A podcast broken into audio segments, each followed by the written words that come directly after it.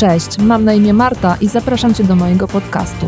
Jeśli choć kilkukrotnie zdarzyło Ci się pomyśleć, zaczynam od poniedziałku, to ten podcast jest właśnie dla Ciebie. Motywacja, ruch, odżywianie, nawyki, ale także biznes trenera od kuchni i fit świat od zaplecza. O tym będziemy sobie tutaj rozmawiać. Zapraszam. Cześć. Witam Cię, drogi słuchaczu, w ósmym odcinku mojego podcastu. Zaczynam od poniedziałku. E, dzisiaj zastanowimy się nad tym, czy możliwe jest zgubienie tkanki tłuszczowej tylko z określonej partii ciała. E, no bo bardzo często jest tak, że ogólnie rzecz biorąc e, podobamy się sobie, ale znajdujemy w sobie takie części ciała, które stwierdzamy, że chcielibyśmy wyszczuplić, wyrzeźbić, wysmuklić. No u kobiet oczywiście zazwyczaj są to okolice brzucha, pośladków, ud. U mężczyzn też zazwyczaj brzuch. No i ogólnie nie chcielibyśmy dużo w sobie zmieniać, no ale fajnie byłoby, gdyby na przykład ta fałdka na brzuchu tam e, trochę nam się schowała. E, I czy to jest w ogóle możliwe, żeby coś takiego zrobić? Po pierwsze, to jest tak, że mamy pewne tendencje e, do gromadzenia tkanki tłuszczowej w określonych miejscach, dlatego że mamy różne typy budowy sylwetki po prostu. E, niektóre z nas są jabłkami, czyli ta tkanka tłuszczowa zazwyczaj odkłada się właśnie w okolicach brzucha, piersi, tutaj na górnych partiach ciała, a mamy fajnie szczupłe, fajne nogi. E, natomiast jeśli mamy typ budowy e, gruszka, no to wtedy właśnie pośladki uda stanowią tutaj tą najbardziej problematyczną część, a cała reszta jest całkiem ok. Też możemy mieć typ budowy taki chłopięcy, to jest wtedy e, kolumna, czyli nie mamy wcięcia w talii, ogólnie jesteśmy szczupłe, ale jesteśmy z taką, mamy no, taką chłopięcą sylwetkę, co też e, kobietom bardzo często przeszkadza. Albo jesteśmy trójkątem, wtedy mamy szerokie ramiona, wąską talię, taką bardziej męską e, budowę ciała. I to jest genetyka, której nie zmienimy. Czyli no nie ma możliwości jakby e, zmiany tego, z czym się urodziliśmy. Oczywiście możemy próbować e, zmieniać te proporcje sylwetki, mm, no ale pewne predyspozycje w nas będą. Ja ogólnie rzecz ujmując, nie mam dzisiaj dobrych wiadomości, dlatego że mm, no nie ma sposobu na to, żeby gubić tkankę tłuszczową tylko z określonej partii ciała dlatego że no nie możemy, nie wiem, dać mózgowi sygnał, hej, słuchaj, ja wyglądam super, ale jednak mógłbyś mi zlikwidować tę fałdkę na brzuchu. No nie, niestety nie. Ja powiem więcej. Zazwyczaj jest też tak, że właśnie ze względu na te typy sylwetki, które mamy, e, jeśli nawet zaczynamy dietę redukcyjną, zaczynamy się odchudzać, to ta tkanka tłuszczowa z tych najbardziej problematycznych miejsc schodzi na końcu. I rzeczywiście trzeba bardzo mocno się przyłożyć do tego, żeby mm, przy danym typie sylwetki zgubić tę tkankę tłuszczową z tych miejsc, w których ona ma tendencję do odkładania się. Oczywiście właśnie jedynym sposobem na to, żeby gubić tkankę tłuszczową jest po prostu dieta redukcyjna, e, czyli tak zwany ujemny bilans kaloryczny. E, ona powinna być dobrze zbilansowana, musimy mieć wszystkie składniki, które powinniśmy do naszego organizmu dostarczać e, i będziemy tę tkankę tłuszczową gubić równomiernie. Nie ma takiego sposobu, żeby gubić ją z jednego miejsca bardziej, a z drugiego miejsca mniej, ale jeśli uzbroimy się w cierpliwość, dorzucimy do tego odpowiednio dobrany, podkreślam, odpowiednio dobrany trening, ćwiczenia, właśnie między innymi pod ten typ sylwetki, którym jesteśmy, no to wtedy te efekty będą e, realne i będą bardzo szybko widoczne.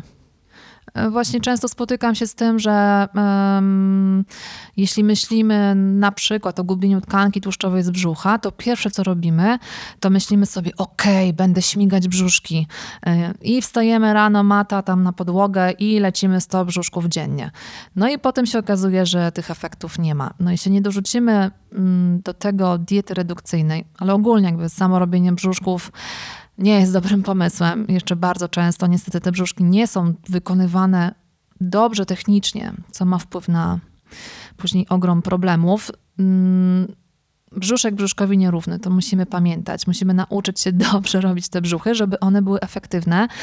E, no a bez diety redukcyjnej to w ogóle nie róbmy tego po prostu. Jest tryliard innych ćwiczeń, e, które mocno angażują mięśnie brzucha, a nie są to właśnie wspomniane brzuszki. To jest jeden z gorszych sposobów, który możecie, na który możecie wpaść.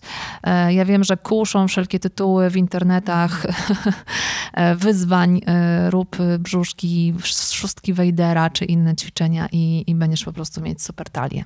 No niestety nie. Jak na przykład myślimy o tym, żeby wyszczuplić uda, to myślimy sobie o tym, że nie będziemy ćwiczyć ud, żeby nam się nie rozrosły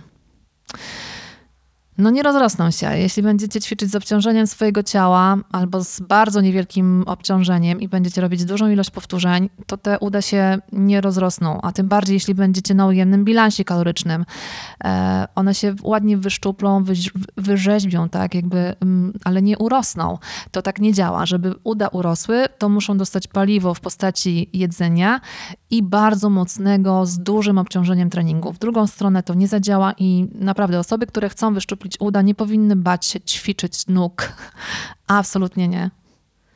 E, bez względu na to, jaką partię ciała chcemy wyszczuplić, to też e, zazwyczaj to prawie zawsze bardzo dobrym pomysłem są treningi typu cardio, czyli na przykład e, chodzenie bądź bieganie na bieżni czy na dworze, czy rower, czy rolki, mm, tak żeby spalać te kalorie.